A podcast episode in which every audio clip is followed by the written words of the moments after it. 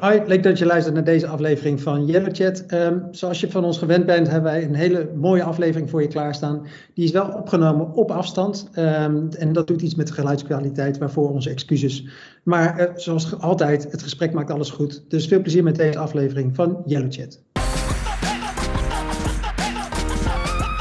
Dat heeft bij ons eigenlijk de samenwerking enorm bevorderd, die crisis dat maakproces op zo'n ministerie duurt al echt maanden. En nu moest het in drie weken. Ik denk dat wij uh, als beroepsgroep bij de overheid uh, te laat zeg maar ons eigen verhaal hebben laten horen. Wij gaan niet meer 100% terug naar kantoor. Never. Nooit. Hi, welkom bij deze nieuwe aflevering van Yellow Chat. mijn naam is Bram Koster. En uh, ik ben werkzaam bij Evolve. En net als Peter Haan, hè? Peter Haan, dag. Ja, Peter Haan is ook al een, een tijdje werkzaam bij Evolve. Precies. Goed om je te zien, Bram. Jammer dat het op afstand is.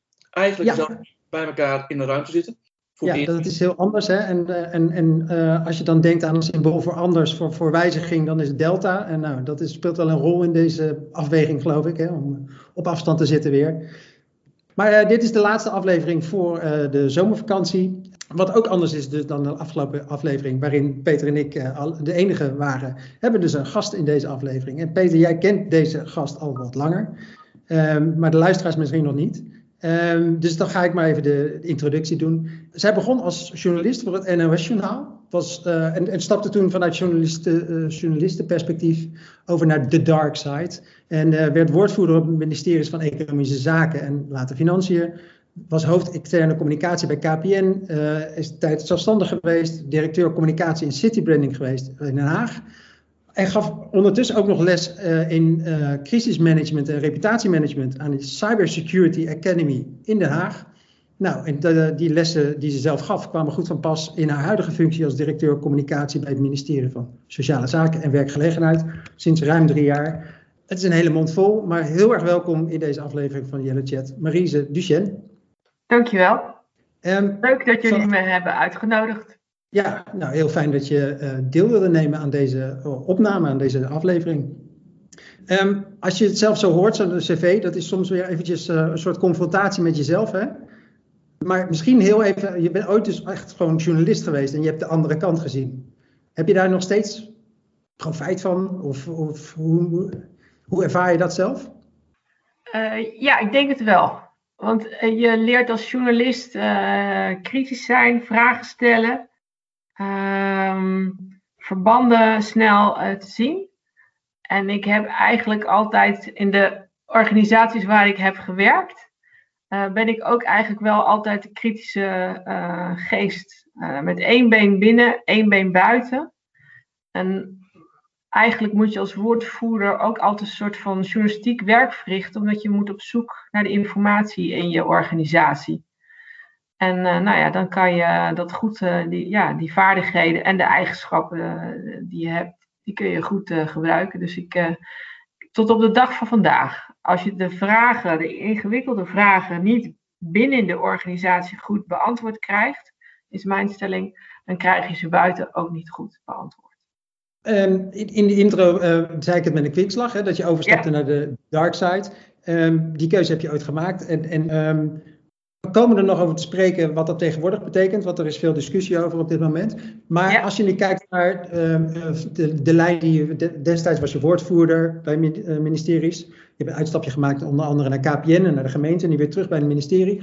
Dan is wel, weet je, wat trekt jou in die ministeries? Of, neem aan dat het iets is dat je trekt, want je bent er uh, bij drie, als ik het uit mijn hoofd doe, uh, werkzaam geweest.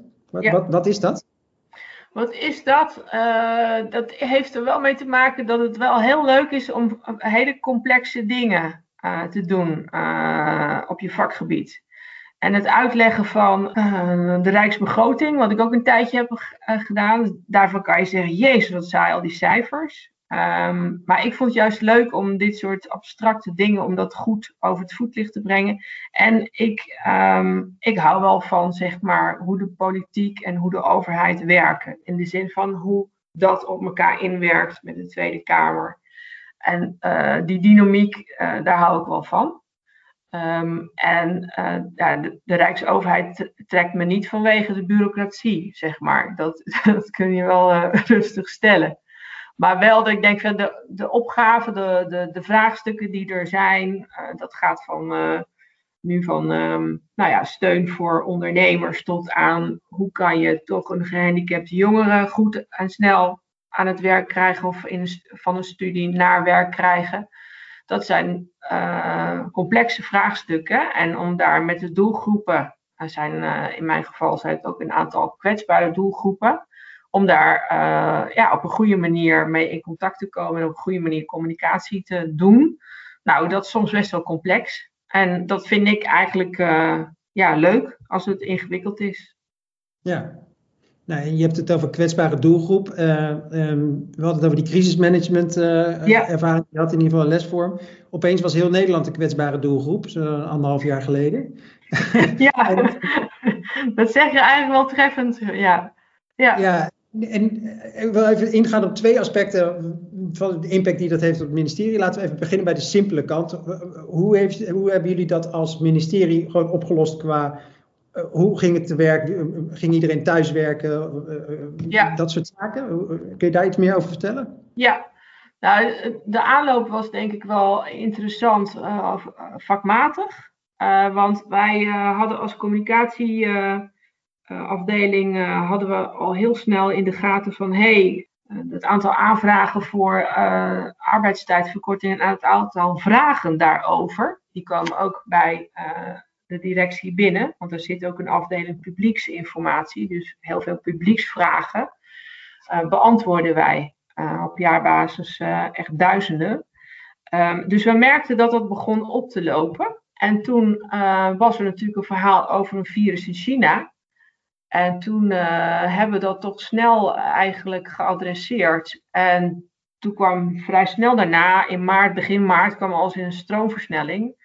We zaten toen al eventjes in de crisismodus. Zelf als, als klein teampje, als directie, ben je dan eigenlijk al toch wel wat eerder bezig. En ja, uh, van het een op het andere moment een lockdown, uh, zeg maar. En iedereen thuiswerken. En, en vanuit huis moet je eigenlijk een crisis gaan managen. En het ministerie Sociale Zaken heeft samen met Economische Zaken en Financiën heel snel ja, steunpakketten voor verschillende soorten ondernemers en ook verschillende steunregelingen uit de grond moeten stampen. En wij hebben daar um, ook ja, dus razendsnel ook de goede communicatie bij moeten maken. En normaal gesproken duurt het heel lang voordat je een regeling hebt waar iedereen het mee eens is en die helemaal is gefine-tuned voor welke doelgroep is die bedoeld. En hoe komt die dan uh, zeg maar richting uh, Tweede en Eerste Kamer. Um, en ook in dat maakproces op zo'n ministerie duurt al echt maanden. En nu moest het in drie weken. Dus dat was echt wel een uitdaging of dat ging lukken. En een uitvoeringsorganisatie als het UWV, die moest die regeling gaan uitvoeren. Dus die moest ook helemaal klaar zijn. Dus het was, een, het was eigenlijk een enorme operatie. Um, en ja, dat was, ja, hoe was dat? Dat was heel gek natuurlijk, want je, normaal ben je op kantoor en nu zit je allemaal thuis. Je ziet elkaar niet en, en je moet hele nieuwe manieren van uh, met elkaar vergaderen, uh, overleggen doen. En er is ook nog eens een crisis in het land. Dus dat, uh, maar wat er enorm leuk was, is dat je met z'n allen aan één onderwerp werkte. En dat gaf enorme schwung en dynamiek en adrenaline en ook uh, saamhorigheid. Van we, gaan dit samen, we moeten dit samen fixen.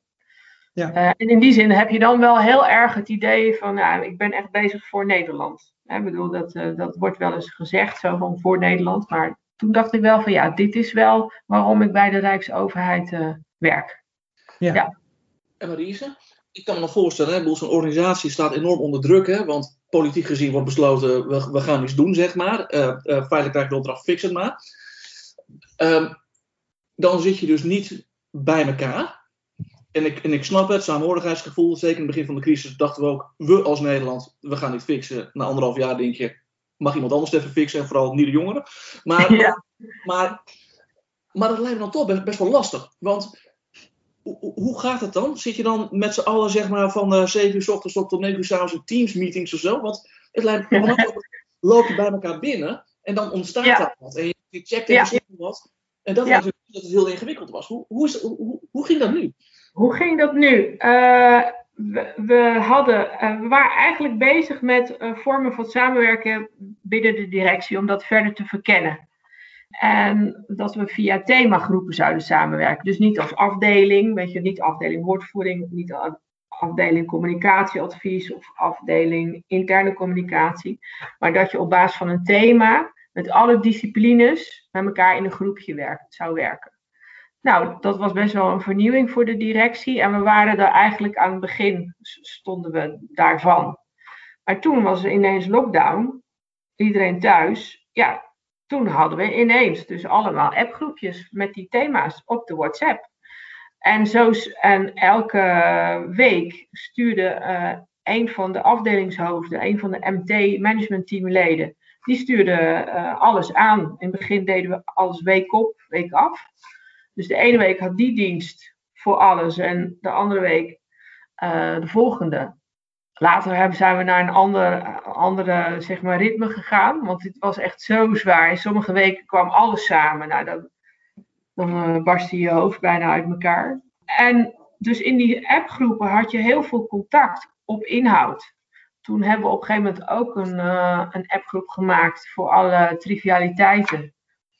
We hebben um, uh, ook uh, in het begin ja, digitale leuke borrelbijeenkomsten gedaan of stoomafblazen bijeenkomsten. ja, je, je moet veel creatiever omgaan van, van hey, als we elkaar willen zien voor hè, het sociale contact en hoe gaat het met iedereen. Moet je dus andere dingen verzinnen dan zeg maar bij elkaar binnenlopen op de kamer. Um, en dat hebben we ook gedaan. En, en dat in het begin natuurlijk bij alleen maar bezig aan het werken. En, en dan op een gegeven moment denk je, oh ja, shit, we moeten ook iets leuks doen. Weet je wel? Oh ja, ja wat gaan we verzinnen? Oh ja. Nou, we kunnen misschien iets uh, richting de zomer iets leuks bedenken. Of, nou, weet je, of een, uh, een tegoedbon of een uh, leuke gimmick bij Koningsdag. Dat soort dingen hebben we gedaan. Dus we hebben allemaal die kleine momenten benut.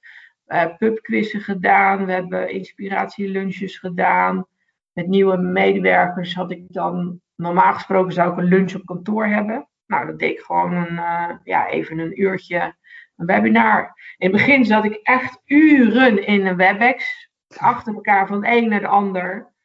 En dat je na drie weken dacht ik in mijn hoofd ontploft. Dit hou ik niet vol. En toen ben ik mijn, mijn agenda gaan uitmesten en andere mensen ook. En dan zie je dat je veel selectiever kunt worden in van waar, waar wil ik mee bezig zijn, waar moet ik mee bezig zijn. Dus ik vond het wel leuk om te zien dat het heeft uh, bij ons eigenlijk de samenwerking enorm bevorderd, die crisis. We waren met hetzelfde bezig, we zaten allemaal in dezelfde situatie. Uh, we hadden een enorm vakmatige uitdaging dus ja, de adrenaline stroomde door al die WhatsApp-groepen ook. Voordat we oververmoeid met de tong op een. Nee hoor. maar uh, dat is inmiddels 15 eh, of anderhalf jaar later. Dan voel je het wel wat anderhalf jaar crisisstand uh, met je doet. Maar het is over het algemeen. Uh, hebben we ja, nieuwe manieren gevonden om met elkaar te communiceren, ook letterlijk. En, en, en is dat structureel geworden? Of heeft, heeft dat een lange termijn effect ook gehad? Ja, uh, ja uh, want het is zo dat wij als Rijksoverheid, uh, wij mogen maar voor een bepaald aantal dagen, uren per week naar kantoor. En per directie, wij zijn nu net, hebben we een pilot achter de rug, een experiment met, nou ja, hoe gaan wij hybride werken, dus en kantoor en thuis. Want eigenlijk is het zo, in het begin was iedereen van ja, we willen terug naar kantoor en missen iedereen. Maar nu hebben mensen ook wel weer ontdekt, dat heeft ook voordelen om te kunnen combineren, kantoor en thuis. En ik heb minder stress om die kinderen op te halen of iets te cheffen tussendoor. Uh, dus voor veel mensen is die combi heel goed. En ik, ik uh, vond dat de Rijksoverheid echt wel een beetje ouderwets was in van hoe gaan we, hoe doen we dat op kantoor allemaal? Waarom. Ik had bij KPN natuurlijk ook echt wel heel anders, uh, heel andere dingen gezien. Dus ik was eigenlijk heel blij. En het heeft uh, door al die maanden, anderhalf jaar later, heeft het in ieder geval nou ja, tot gevolg gehad dat we hybride gaan werken. En op welke manier, dat hangt ook een beetje van dat uh, vermalendijde virus af. En ons gedrag uiteraard. Maar ik ga nooit meer vijf dagen naar kantoor. De, logica die, ja, die vond ik al ingewikkeld te zoeken, maar de, nu, nu al helemaal. Dus ja. combinaties. Dus we zijn nu aan het uitproberen hoe kun je dan toch optimaal met elkaar contact houden, communiceren. Welke middelen gebruik je daarvoor? En ook in, de, in die uh, in die crisis naar een uh, ja, ouderwetse nieuwsbrief toegegaan. Ja, heel ouderwets, maar het, ja, het werkte wel. Ja. Maurice, wat me nou het opviel in dat, in dat verhaal van je, en dat vond ik best wel grappig. Als ik het, als, als ik het goed terug ga, als zeg je van, we gingen in een soort crisisstand. En we moesten op een andere manier met elkaar communiceren. En wat je zei van, is dat, dat we die inhoudelijke teams, die gingen met elkaar communiceren via WhatsApp. En dat is op zich best wel grappig. Want dat is nou volgens mij net het enige kanaal dat niet intern is. En toch gingen jullie daarmee aan de slag. Ja. Hoe, ja. Zit... Hoe zit dat? Nou, omdat uh, het heel uh, laagdrempelig en toegankelijk is. En om, om zeg maar, als je elke dag beslissingen moet nemen, kun je elke dag kan je daar helemaal uh, de updates in doen. Maar je kunt ook met elkaar afspreken. hey joh, dit groepje op het gebied van, ik noem maar wat, de, de NOW-regeling, de NOW-regeling. deze week gaat de brief uit wanneer komen we bij elkaar? Oké, okay, dan en dan zo laat. En je kunt dus alles. Ik zat in al die groepen van, van alle thema's. Dus je kunt heel goed volgen van wat gebeurt er allemaal. Moet ik ergens helpen? Of, en het is inderdaad, het is uh, eigenlijk een soort van middel van de directie geworden. En volgens mij hebben andere directies dat ook zo gedaan. Um, dat ze gewoon via de WhatsApp. En ja, sommigen zijn misschien blijven mailen. Ik heb zelf best wel een hekel aan mail. Ook al alleen al vanwege het feit dat ik heel veel mail krijg. en ik ooit bij KPN heb bedacht van ja, maar mijn baan is niet mail bekijken. Mijn baan is goede dingen bedenken. Dus ik, uh, tot grote ongenoegen van uh, mensen om mij heen af en toe, uh, nee, ben ik daar niet zo dol op. Maar dat WhatsApp gaat natuurlijk heel snel. Alleen uiteindelijk en de WebEx is er natuurlijk bijgekomen om dingen echt af te stemmen en besluiten. En wij mochten ook niet zomaar in een Zoom of in een ander soort dingen. Wij moesten dat natuurlijk moest vanwege Rijksoverheidsvoorschriften. Moest dat wel maximaal veilig zijn. Maar wat natuurlijk bijzonder is, want zeg maar alle voorbereidingen voor de communicatie lopen dan niet via een beveiligde. Nou ja, het is ja. wel beveiligd, maar ook weer niet helemaal natuurlijk. Ja. Maar goed. Maar als je, hem, als je hem anders draait, want dat vond ik namelijk Ja. zijn manager, want ik bedoel, we- we denken natuurlijk de, de, de privacy issue met WhatsApp, maar, maar je zegt van, blijkbaar was dus behoefte aan een kanaal, Ja, als je op afstand gaat werken, waarbij je gewoon even makkelijk snel eh, eh, eh, dingen gewoon even kunt, kunt regelen, kunt afstemmen. Want Ja. kijk, mijn, mijn ervaring nu ondertussen met, met WebEx of met Teams of wat dan ook is, is, weet je wat, je hebt één vraag, er moet gewoon een call ingeschoten worden een half uur, eh, want eh, je, je wordt er helemaal gek van. Dan zie je dus van negen Ja. in allerlei overleggen. Ja. Dus, dus het is grappig dat, dat en, en we horen het eigenlijk bijna nergens, tenzij misschien in een teamchat, kijk ik stiekem ook met een schuin op digitaal naar brand. Maar juist dat chat, en dat korte, dat dat best wel een vlucht heeft genomen. En jullie doen dan via Ja. WhatsApp. Maar we, dat zien we eigenlijk best wel weinig qua interne digitale media. Dat dat heel erg wordt ingezet. Hm. Rob? Ja, ik heb wel eens geroepen eh, dat eh, WhatsApp het grootste intranet van de wereld is. Omdat ja. heel, het is een heel makkelijk, heel laagdrempelig eh, middel. Eh, en we- we- Ja. ja, je- iedereen kan het ook opzetten en beheren. Dus dat maakt het wel heel erg aantrekkelijk. Maar als organisatie zou je het misschien niet moeten willen. Ehm, ik, ik zie wel bij klanten dat chat wel, gewoon doordat Teams in eerste instantie als vergadertool en later wat in bredere zin is doorgevoerd, dat, dat de chat daar ook wel eh, ja, meer opkomt. En vooral bij organisaties waarbij ook mensen meer die grens zoeken tussen van oké, weet je, die telefoon die moet ook af en toe uitstaan. Of die wil, ja, wil, ik wil niet de hele weekend ook appjes van werk ontvangen en zo. Dus dan zie je meer mensen heel bewust de keuzes maken om dan meer dat soort kanalen in te zetten. Maar ja, daar heb je ook niet altijd de, de, de keuze in. nee, nee. En, en je moet natuurlijk ook inderdaad wel je eigen grenzen daarin goed in de gaten houden. Ja. want niet iedereen is daar ook op, op gebouwd om maar de hele tijd met zo'n bliepend uh, apparaat. Uh, maar ik, ik, ik, ik zou wel wat verklappen. Ik heb de, bij mij staan alle appgroep, WhatsApp groepen op stil. Dus ik krijg, nooit, ik krijg nooit geluidjes binnen, want ja, dan, dan, dan, dan word ik gek.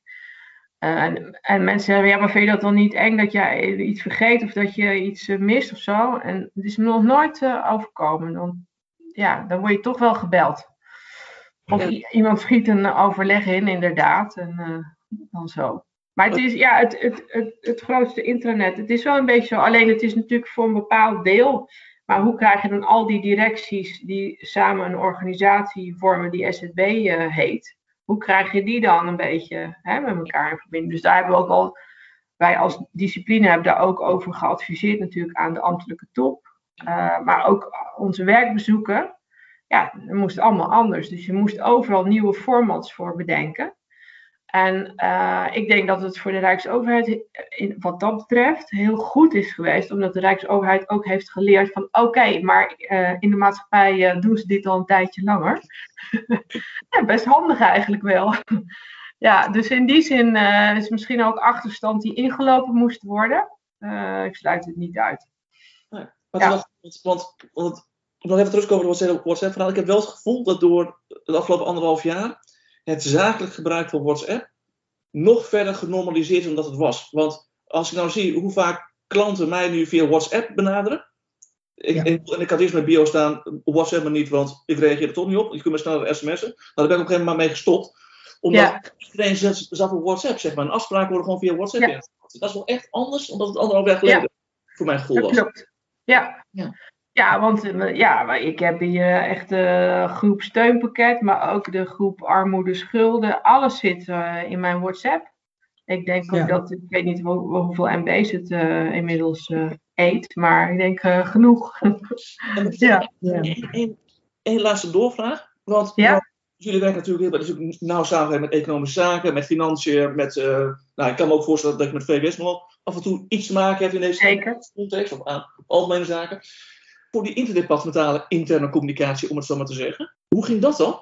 Ook op, ook op dezelfde soort manier? Want um, ja, en, en, en binnen de overheid is het zo dat uh, Binnenlandse Zaken, uh, die is uh, zeg maar baas van, als werkgever, zeg maar. Dus alles wat de Rijksoverheid zelf betreft aan communicatie richting alle ambtenaren, uh, dat wordt door BZK uh, Binnenlandse Zaken gecoördineerd. En zeg maar de, um, de interne communicatie binnen de Rijksoverheid verliep in, in die zin ook in een crisismodus van top-down. Gewoon uh, lekker overzichtelijk en behapbaar. Dus, dus hoe verliep dat via dat, de, dat grote intranet van de Rijksoverheid? Maar dat is natuurlijk als je het vergelijkt met WhatsApp, is het eigenlijk Rijksportaal ontzettend log. Hè? Komt het over, ook door hoe het eruit ziet overigens. En dat WhatsApp, dat is natuurlijk, ja, dat heeft dus de, charme van de snelheid. Ik denk wel, wat je zag, is dat bij, ik denk dat departementen dat ook wel intern anders hebben opgelost. Ik, ik kan alleen maar in de keuken van SZW kijken. Wij hebben bijvoorbeeld wel een uh, community opgestart, SZW werkt. Bijvoorbeeld, waarop mensen ook uh, hun uh, verhalen konden delen, uh, dingen konden schrijven. en daar was ook wel behoefte aan, want men miste natuurlijk toch een beetje de thuisbasis. En wij hebben natuurlijk ook wel relatief veel mensen met een beperking werkzaam. En daar moesten we natuurlijk ook goed voor zorgen. Dus het was ook goed, we moesten er ook goed over nadenken van wat is nou geschikt voor iedereen en wat hebben nou ja, speciale groepen nog eventueel extra nodig. Maar mensen hadden vooral uh, behoefte aan om even gewoon ervaringen op, uit te, te wisselen. En hoe het met ze ging. En, en, was dat een platform waarin iedereen dat op eigen initiatief deed? Of was daar dan ook een soort redactie op actief om die verhalen op te halen? Um, volgens mij is het in het begin opgestart met innovatieteam, als ik het goed zeg. En daar zat wel, zeg maar, in het begin is er een, zeg maar een team ben geweest wat dat heeft eh, nou ja, opgezet en wat het heeft aangejaagd. Ik zou nu even niet meer uit mijn hoofd weten of dat nu nog zo is. Ehm, en de ene directie maakt er ook meer gebruik van dan de andere. Dit hangt ook een beetje van uh, de cultuur van de directies uh, af. Maar in het begin is het wel, zeg maar, we zijn wel geholpen, laat ik het zo zeggen, om het op te zetten. Oké. Ik kan me voorstellen met alles wat je vertelt, hè, en, en dan hebben we het over corona gehad, en, en toen kwam er ook nog iets van een toeslagenaffaire, dat was vast ook geen heel rustige periode. Dat Zeker niet. er heel veel aandacht is gegaan naar alles wat je moet produceren als ministerie, weet je, beleid en, en, en ook hoe je dat communiceert. Maar dat is allemaal natuurlijk ook heel erg gericht op extern. Je hebt het net al even over de manieren waarop mensen konden gaan samenwerken, en dan via apps en dergelijke. Um, als je kijkt naar interne communicatie, wat, hoe heeft dat zich ontwikkeld in de afgelopen tijd? En heb je daar überhaupt aandacht voor kunnen hebben? Um, ik denk dat ik, ik heb er wel aandacht voor gehad, maar ik had er denk ik wel meer aandacht voor kunnen hebben. Maar dat, wat ik nu zie, is uh, je, eigenlijk heb je uh, een crisisstroom met uh, zeg maar hulp- en steunpakketten voor alle ondernemers. En dan komt er nog eigenlijk een soort van ja, ook een crisisstroom naast, toeslagenaffaire en, en, wat we daar allemaal mee moesten doen. Het gaat meer over vernieuwing van de organisatie en nieuwe manieren van beleidsmaken. En voor, uh, voor de ambtelijke top hebben we vrij snel wel een aantal middelen uh, ervoor gekozen. Ik denk wel dat we, als we meer menskracht hadden gehad, maar ook gewoon meer tijd voor reflectie, dat we misschien nog wel betere concepten hadden kunnen uh, ontwikkelen. Dat denk ik wel. Maar uh, je zit sowieso waan van de dag, uh, waan van de week, noem ik het maar even oneerbiedig. en productie inderdaad, waardoor de reflectie, even die stap terug, en zeg van hé, hey, doen we nou het goede? Komt het ook allemaal over wat we doen? nou ja, dat is, dat is best wel lastig. Want ik had ook heel graag een, weet je, als wij beleid gaan, uh, soms gaan uittesten met focusgroepen, met gewoon mensen uit het land. En dan zeggen van, snapt u deze regeling? Als u het zus opschrijft, zo opschrijft, snapt u überhaupt deze regeling? Dat had ik graag uh, wel gedaan, uh, zeg maar uitgebreid bij zo'n bij zo'n grote steunpakketregeling. Nou, daar was natuurlijk geen tijd voor. Maar eigenlijk zou je dat wel moeten doen, want die week extra die het kost, die, die win je misschien heel erg uh, verderop in het proces, weet je wel. Dus, maar ik merk pas dat we nu pas toe zijn aan de reflectie, een beetje van, oh ja, wat heeft het ons gebracht, uh, wat niet. Dus ik hoop nu dat uh, de komende twee weken mijn agenda ook wat leger is, om die dingen gewoon even van, wat heb ik nou gezien, zien gebeuren, wat viel me op, wat had ik anders gewild en daar ook gewoon ja, lering uit te trekken. Ja, maar de vraag is ook, is het, uh, ik bedoel dat leren altijd goed is, hè, maar de vraag is ook, is het ook, ook erg geweest? Hè? Want kijk, je, je zet vaak interne communicatie in voor alignment, om het zo maar te zeggen. Dat mensen snappen wat is de koersstrategie. Nou, ik kan me iets voorstellen rondom het gedoe qua toeslagenaffaire, dat je daar misschien mensen bewust moet maken over hoe gaan we om met onze burgers. Maar rondom, rondom alles rondom corona was het volgens mij zo overduidelijk waar iedereen naartoe moest. Ja. Heb je dan eigenlijk wel, even plat gezegd, van interne communicatie alignment eigenlijk nodig? Of is dat pas iets waarvan je zegt van, en, en natuurlijk heb je het altijd een beetje nodig, maar laat ik anders zeggen, is het dan heel erg dat daar dan op dat moment van interne communicatieperspectief wat minder aandacht voor is, omdat het, nou, omdat het doel zo duidelijk is? We moeten gewoon ja. shit Ja. fixen. Nou, ik denk niet dat het erg is. Dus dat ben ik wel met je eens. Ik denk in het begin, zeker in, en toen we ook in de tweede lockdown ingingen en toen in de, de never ending lockdown, dat we ook het goede hebben gedaan. En dat ook iedereen wist van, nou, het hele ministerie is hiermee bezig. Uh, wat je wel krijgt is natuurlijk dat een ambtelijke top uh, natuurlijk ook wel in de gaten moet houden, maar er is ook nog ander uh, soortig beleid, toevallig. Hè, ik bedoel, het pensioenakkoord was gesloten, er moest ook nog even uh, zeg maar de nadere details moeten, moesten nog worden vastgelegd en, en, en besproken. En, en nou ja, dat is een proces voor de komende vier jaar zelfs, waar we mee bezig zullen zijn. Ook met de communicatie. Dus uh, het is niet erg, maar ik denk dat het is altijd wel even goed om even uit te stappen. En uh, ja, ik denk, ik denk wel dat ik, wat zou ik nou anders doen? Hè? Ik zou denk ik toch eerder iets hebben gezocht wat ook wel vernieuwend was. Dus, de, de manier van samenwerken, van werksessies doen. Hè? dat ging toch best wel in het begin best wel ouderwets. Weet je wel, van iedereen in de WebEx. En, uh, en pas later kwam ik erachter dat je daar best hele simpele, goede tooling voor hebt. Om dat veel handiger te doen en ook leuker te doen. Want een werk mag ook gewoon, uh, behalve interessant en uitdagend, mag ook gewoon leuk zijn om uh, dingen te bedenken. Dus dat zou wel les zijn als ik nou nog een keer zo'n crisissituatie denk, hé, hey, dan zou ik dat eigenlijk klaar hebben moeten staan aan het begin. Dus uh, we hadden laatst een fysieke bijeenkomst voor het eerst, weer met 28 mensen. En dan hebben we een tool gebruikt om meteen te, te, soort van in beeld te zien in graphics van wat vindt iedereen van een bepaald onderwerp. Nou, dat kan je, kan je eigenlijk ook uh, in je nieuwsbrief stoppen, bij wijze van spreken. Hè, van hoe gaat het met jullie en hoe is het met de werklast? Dat kan je ook elke week, als je dat wil weten, kan je dat erin stoppen. Dus dat soort dingen, om daar wel tijd voor te maken als directeur is denk ik wel belangrijk. Dus dat is, dat is een beetje wat ik er, hoe ik er op dit aspect op terugkijk. Het is wel grappig wat je zegt, hè, want, uh, want dat zien we dus ook veel. Hè, dat, uh, dat deze tijd best wel veel organisaties gedwongen heeft om anders na te denken over hoe ze dingen ja. daar het creatieve mee, uh, mee, mee om te gaan. In welke mate, en we, we, we, hebben het stiekem al een beetje gehad, dat is niet helemaal eerlijk, hè, maar ik ga toch even voor, voor de sake of the argument doen, dan kun je dat helemaal omkrachten. In een ja. wat traditioneler bedrijf met een licht bureaucratische insteek, hoe hoop je dat vast te houden? Ja, goeie. Nou, ik, ik heb eigenlijk meteen gezegd, we gaan niet meer 100% terug naar kantoor. Never, nooit niet. En ik wilde ook meteen aan een pilot, aan het experiment meedoen om hybride te werken.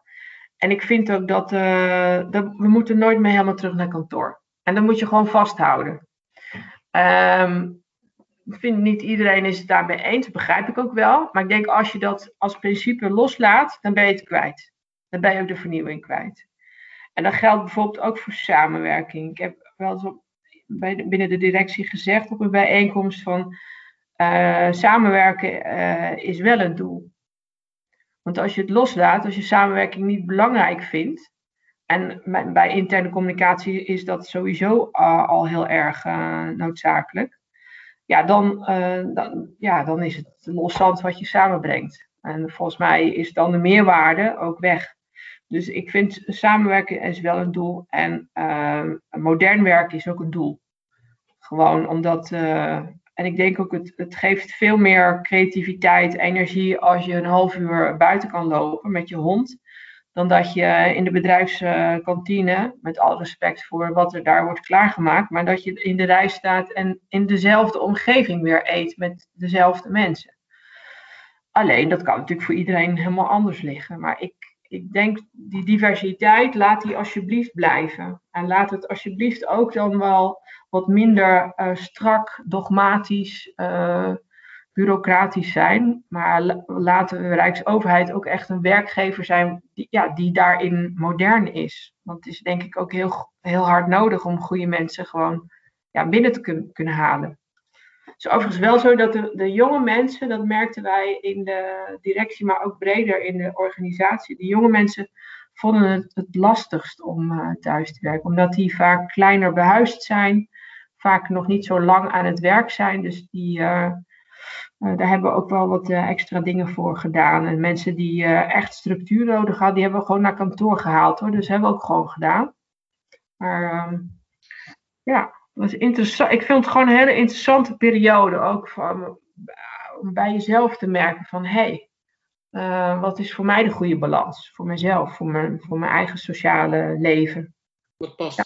Het is wel grappig dat je zegt over, over de jongeren en over uh, naar het kantoor. Want we hebben dus onderzoek gedaan naar werkgeluk. Ja. Dan maakt nu werkgeluk en uh, kunnen dan digitale tooling daar een rol in spelen.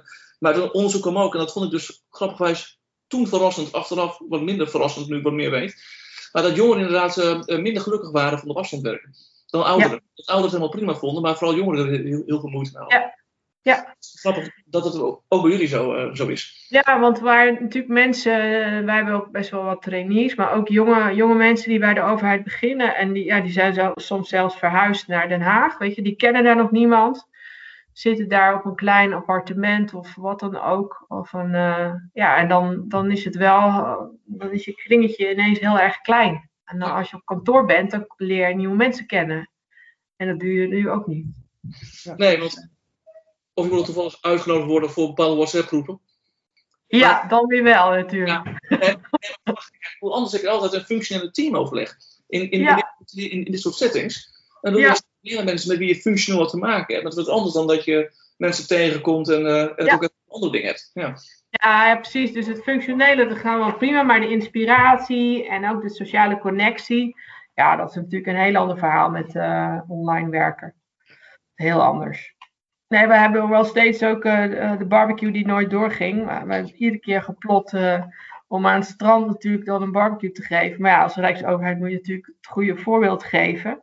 Dus iedere, iedere keer waren toch echt uh, de regels waren zodanig dat we dat net niet hebben kunnen doen. Ja, en nu zou Vorige week wel voor het eerst. Dus dat was voor wie wilde. Nou ja, en voor wie nog niet genoeg geprikt was of niet durfde, of ook prima. Oké. Ehm, we hadden het begin over. Uh, ja? En toen maakte die kwinkslag uh, dat je eh, als journalist bent gestart. En we zouden er nog even op terugkomen. Ehm, er is nu een hele actuele discussie, niet in de laatste plaats door journalisten aangewakkerd, over het leger van communicatieprofessionals dat de Rijksoverheid om zich heen heeft verzameld. En dat dan het werk van journalisten onmogelijk of moeilijk maakt en dergelijke. Hoe kijk jij tegen die discussie aan als lid van dat leger? Uh, lid van het leger. Um, ja, ik denk dat wij uh, als beroepsgroep bij de overheid uh, te laat zeg maar onze eigen verhaal hebben laten horen. Hè, dus toen het naar buiten kwam hoe bij elkaar opgeteld alle directies, communicaties en wat er allemaal aan disciplines in zitten en hoe dat eruit ziet, dat we dat gewoon hadden moeten toelichten in beeld met een quote in een vandaag en, en andere media. En dat is denk ik ook iets wat, je, wat, wat wel nieuw is, het besef van wij, moeten wel terugpraten, ook als uh, expert in ons vakgebied.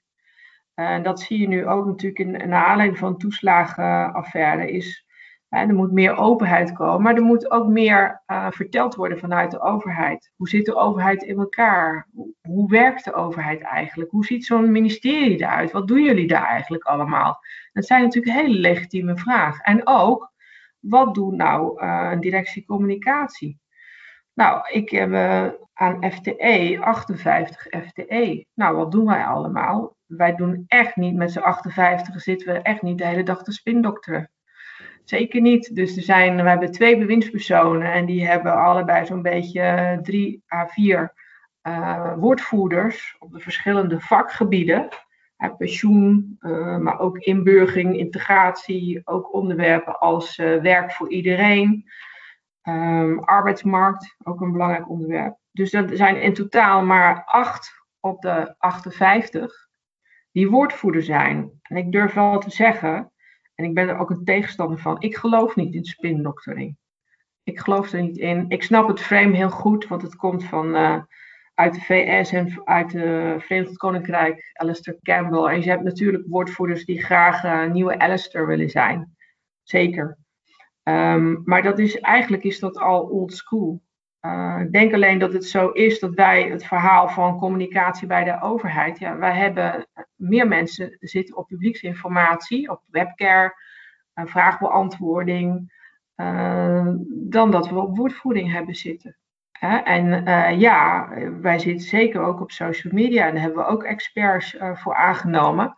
Waarom? Omdat dat ook kanalen zijn om met mensen in het land te communiceren. Want je, je wil graag informatie overbrengen. Dus het ligt veel diverser dan alleen 800 communicatieprofessionals uh, of spindokters. En wij, hadden dat, wij moeten dat in de toekomst. Ik heb er geloof ik deze week ook een overleg over. Moeten wij dat verhaal gewoon zelf actief uh, vertellen? Wat doen wij dan? En, en uh, ook de, de, deze verhalen van wat ik heb meegemaakt in zo'n uh, crisissituatie. Maar ook mijn collega van VWS, vertel het maar. En natuurlijk kun je niet alles vertellen.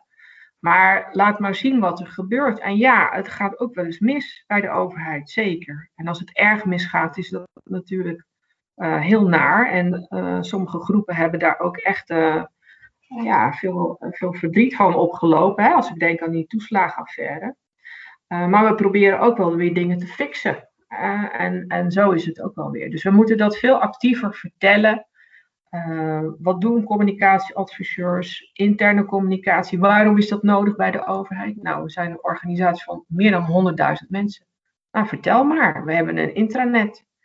En ik denk wel, wat, wat wel is, hè, als je als je hebt natuurlijk wel bewindspersonen die. Uh, ik, ik, heb het geluk dat we een inhoudelijk ja, gedreven bewindspersoon hadden. Dus we hebben gezegd, we gaan pas dingen in de buitenwereld doen als je resultaat hebt bereikt. dus als het pensioenakkoord gesloten is. Niet dat we het gaan sluiten. Ja, dat is leuk, maar je moet het maar eerst doen en dan laten zien dat je het ook kunt. Hebben natuurlijk ook ministers die ja, een, een wat hoger profiel hebben gekozen en wat meer PR. Ja, ik ben daar zelf geen voorstander van. Dat zeg ik ook maar heel eerlijk, vanuit het vak geredeneerd. Ik denk dat je PR altijd, nou, in die end uh, heb je er eigenlijk vooral veel last van. En uh, PR-bedrijven op de beleidsterreinen met kwetsbare groepen, echt, dat kan gewoon echt niet. Dus uh, het, het, werkt, gaat niet samen, moreel ook niet, ethisch niet. Dus, dus ja, nou ja, dat is hoe ik, hoe ik erin sta, zeggen ze dan wel eens.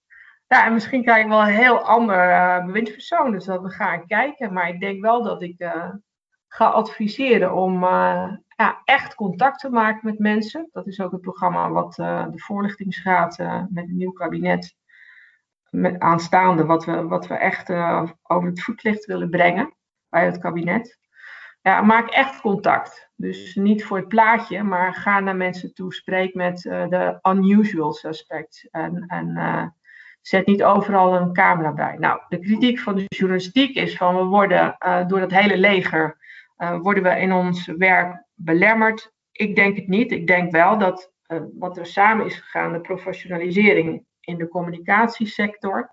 En eigenlijk een soort van afbraak, als ik het toch mag zeggen, in de mediasector.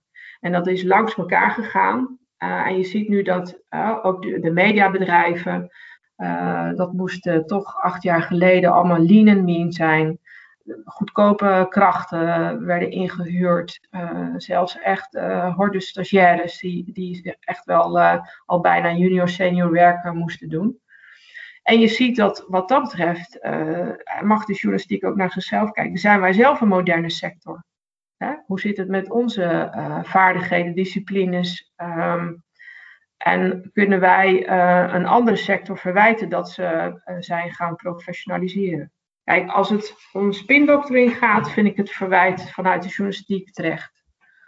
Als je, als, je als overheid daarmee bezighoudt, dat, dat zou eigenlijk niet de bedoeling mogen zijn.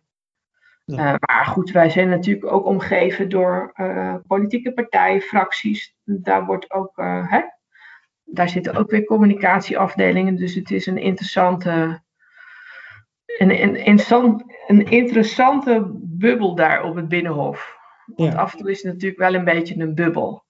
Want ja, ik, ik, moet zeggen, wij hebben de afgelopen drie jaar, we hebben ook, ook over de afgelopen crisisperiode, we zijn heel open geweest, documenten gedeeld.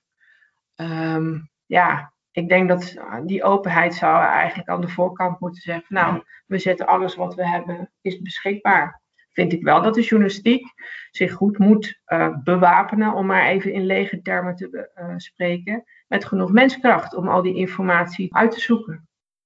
Ja. En dat het niet alleen maar op één frame hangt. Hè? Bedoel, dat is net als met het verhaal van de 800 spindokters. Dat hangt ook op een frame. Maar ik ben nog niet gebeld door de commentatoren van de NRC. Ze zeggen, zeg Marise, leg nou eens uit, hoe zit dat nou bij jou precies? Snap je? dus, dus dat zit ook een soort van, ja, het is een makkelijk frame. Maar wij als beroepsgroep moeten veel actiever zijn om te vertellen. En de, de Rijksoverheid überhaupt, vind ik. Ja, nou, als ik nu journalist was, dan zou ik denken, oh nee, dan komen er nog meer professionals bij. Maar, maar dat is niet nodig. Nee, dat is niet nodig. Zeker niet. Nee, nee wij, ik heb er echt genoeg. Hey, en, over, en, over, dat, uh, hoe zit dat precies bij jou, Marie? Daarvoor hebben we gewoon deze podcast, kunnen ze deze luisteren. Dan... Ja. Ja, maar, ja, ze mogen altijd bellen of whatsappen natuurlijk. Vooral WhatsApp. Ja. ja. Hey, ik heb nog één andere vraag, Marie. Uh, want dan zou die mee afsluiten, maar je triggers net op, op, op één ding. Hè? Ja. Um, Je zei wat wij gewoon moeten doen, is eigenlijk contact maken met de mensen waarom het om gaat. Dat, dat is ons, ons, ons werk. Hè? En ik denk dat het, het verwijt vanuit het volk, laat ik het Ja. zo noemen, is we zitten inderdaad in die bubbel en ze hebben geen idee wat speelt en et cetera. En ik, en ik kan me voorstellen dat een taak van communicatie ook is, zeker in zo'n crisisstand, is om dat contact met de medewerkers te hebben en ze bewust te maken van dat het effect is wat ze doen, consequenties heeft voor die mensen Ja, voor, voor wie ze het doen, zeg maar. Ja. En, dat, dat het, en dat, dat het geen, stat, geen, geen statistieken zijn, maar mensen met banen en wat andere dingen. Maar Ja. Hoe doe je dat? hoe doe je dat? Dat lijkt me best wel een hele ingewikkelde opgave. Ja. Nou, en toch is het ook niet zo ingewikkeld. Als je even in de geschiedenis eh, gaat, vroeger, als mensen een vraag wilden stellen, dan schreven ze een brief. En dan waren er mensen bij beleidsdirecties of bij de afdeling documentatie van het ministerie. En die belden die mensen op en zeiden: Ik heb een brief van u gekregen wat, en ik eh, begrijp dat u eh, dit en dat probleem hebt. Eh, wilt u dat ik van mijn kant wat dingen toelicht of uitleg? Nou, en dan door het bellen of een brief terugschrijven, is er nu een contact. Nu is het natuurlijk, we vonden een tijdje heel ouderwets om echt contact te hebben of een balie te hebben bij de Rijksoverheid. Dus bezuinigd, nou, eh, alles gedigitaliseerd. En daar komen we natuurlijk nu ook een beetje van terug. Dus hoe doe je dat nu? Nou, wij hebben bijvoorbeeld eh, publieksvoorlichters, en er zijn ook echte voorlichters. Uh, die bellen eens in de zoveel tijd ook mensen die brieven of e-mails sturen gewoon op. Was u tevreden met het antwoord? Of ik heb eigenlijk kan inhoudelijk kan ik u eigenlijk niet helpen, maar ik kan wel even met u kijken waar u wel geholpen zou kunnen worden.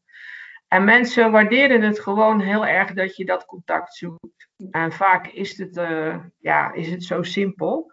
Niet dat iedereen dan natuurlijk uit zijn uh, problemen is geholpen. Dus hoe doe je dat? Nou, door het gewoon te doen. Uh, dat is denk ik heel belangrijk. En ook een nieuw kabinet natuurlijk. Blijf vooral, ook als het ingewikkeld is, op bezoek gaan bij mensen. Spreek mensen in focusgroepen of wat dan ook. Weet je, doe dat gewoon. Uh, en niet alleen maar in georganiseerd overleg. En wij gaan nu bijvoorbeeld beleidsmedewerkers gaan wij um, ook trainen om zelf met hun doelgroep in contact te komen. Zeggen van, nou, hoe voer je dan zo'n gesprek? En want wij zijn natuurlijk communicatiemensen en wij vinden dat allemaal misschien niet zo uh, eng of spannend. En mis, misschien sommige collega's van mij trouwens ook wel. Dat begrijp ik ook heel goed. Dus je, maar je kan natuurlijk ook best wel leren om een gesprek te, uh, te voeren. En je moet dat ook wel leren, want kijk, iemand kan natuurlijk ook naar jou kijken van, oh, ik heb contact met een ambtenaar, dan heb ik mooi toegang bij de Rijksoverheid en die gaat mijn probleem oplossen. En dat is natuurlijk niet altijd zo. Dus dat, dat moet je, die, die grens moet je ook als medewerker gewoon goed in de gaten blijven houden. Dus je moet daar gewoon uh, uh, voor getraind worden. Dus we hebben vanochtend toevallig besloten dat we zo'n trainingsprogramma gaan doen. Gaan opzetten. En dat doen we dan met ook de opleidingsexperts van het ministerie. En dan gaan we groepjes medewerkers, uh, die gaan we trainen. En onszelf trouwens ook. En mee op werkbezoek. En ja, gewoon naar het UWV. Een dagje klantenservice. of noem je dat? Klantcontact meelopen. Zodat je ook voelt van ja, wat is het? En mijn, ja, ik lees zelf veel brieven. daar waar ik dat kan doen een tijdje nu bij de crisis al wat minder gedaan. Maar als ik het kan, lees ik veel brieven wat, waar, waar, ja, waar schrijven mensen ons over. Of ik laat, ik laat ze lezen. Ik heb nu op dit moment iemand die, die mij daarbij helpt.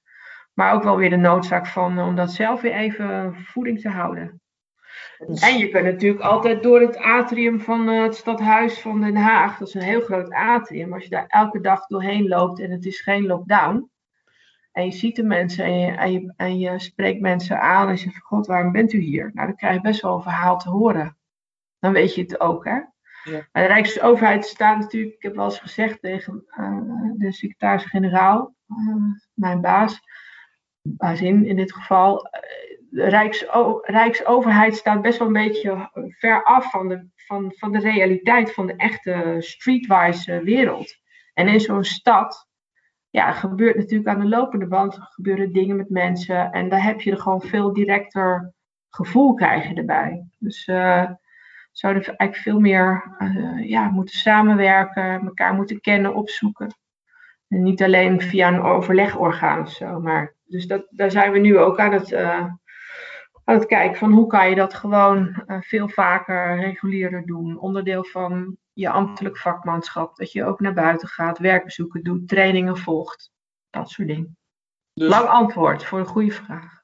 Nee, maar dit is, nee, maar dit is dus eigenlijk wat, wat, wat, je zegt. We horen heel vaak over de organisatie communicatiever maken. Door je medewerkers bij spreken naar buiten sturen en ze direct met de dingen staan. Dan, dan doe je dat eigenlijk. Hè? Dat is eigenlijk feitelijk wat ja. Ja. ja, dus dat. En ook we hebben een taalbrigade opgericht. Uh, BSK heeft een direct duidelijk brigade. Omdat heel veel mensen laaggeletterd zijn in Nederland. Veel meer dan wij denken.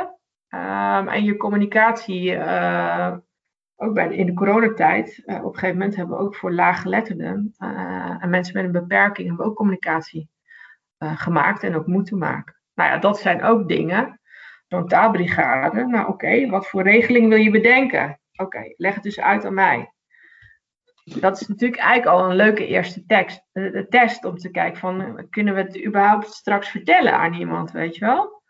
Nou, dat, eh, dat, ik zeg het niet uh, chargerend of badinerend, maar dat is best wel een complex vraagstuk. Want die wetgeving is ingewikkeld en hoe vertel ik het eenvoudig? Nou, dat is, daarom is het zo leuk bij de Rijksoverheid. Ja, en dat laatste, dat is echt beleid begrijpelijk maken. En dat eerste, dat in die, in die gesprek gaan, dus proberen begrijpelijk beleid te maken. Ja. Beetje de, ja. Van twee kanten. Ja, Zo, zo, past het op een tegeltje. Hè? Dat maar wat het lastigste is, om een ingewikkeld beleid, of slecht beleid, zo kan je het ook noemen, om dat alsnog begrijpelijk te maken, dat is een hell of a job. Ja, dat snap ik. Dat is echt... Uh, Maries, onwijs bedankt voor je tijd. Want uh, ondanks dat de, de crisis uh, lang duurt en, en ja, het is geen, geen nieuws meer, heb je het druk zat. Maar dat je ons te woord wilde staan, was erg fijn. Je had het erover dat je de komende twee weken probeert meer te gaan reflecteren op je interne communicatie. Nou, ik denk dat de tijd van reflectie wel aanstaande is voor de meeste mensen onder ons. Iedereen die gaat reflecteren op een strand ergens, nou, die wensen wij veel plezier natuurlijk. Uh, we hopen dat je naar het buitenland mag waar je naartoe wil. Um, dat is me zeer de vraag. We hopen dat je uh, op het oord uh, eindigt waar je, waar je van hebt gedroomd in ieder geval. En um, als we je een beetje in de stemming hebben kunnen brengen voor die reflectie, dan heel fijn. Peter, goede vakantie gewenst. en we spreken elkaar in ieder geval in dit verband weer na die tijd. Zeker. En Marie, jij voor na de reflectie ook een heel fijne vakantie gewenst. En iedereen ja. die dit luistert, ook een hele goede vakantie. Uh, we spreken elkaar ongetwijfeld ergens in september weer uh, met een nieuwe aflevering van Yellow Chat. Tot dan. Hoi.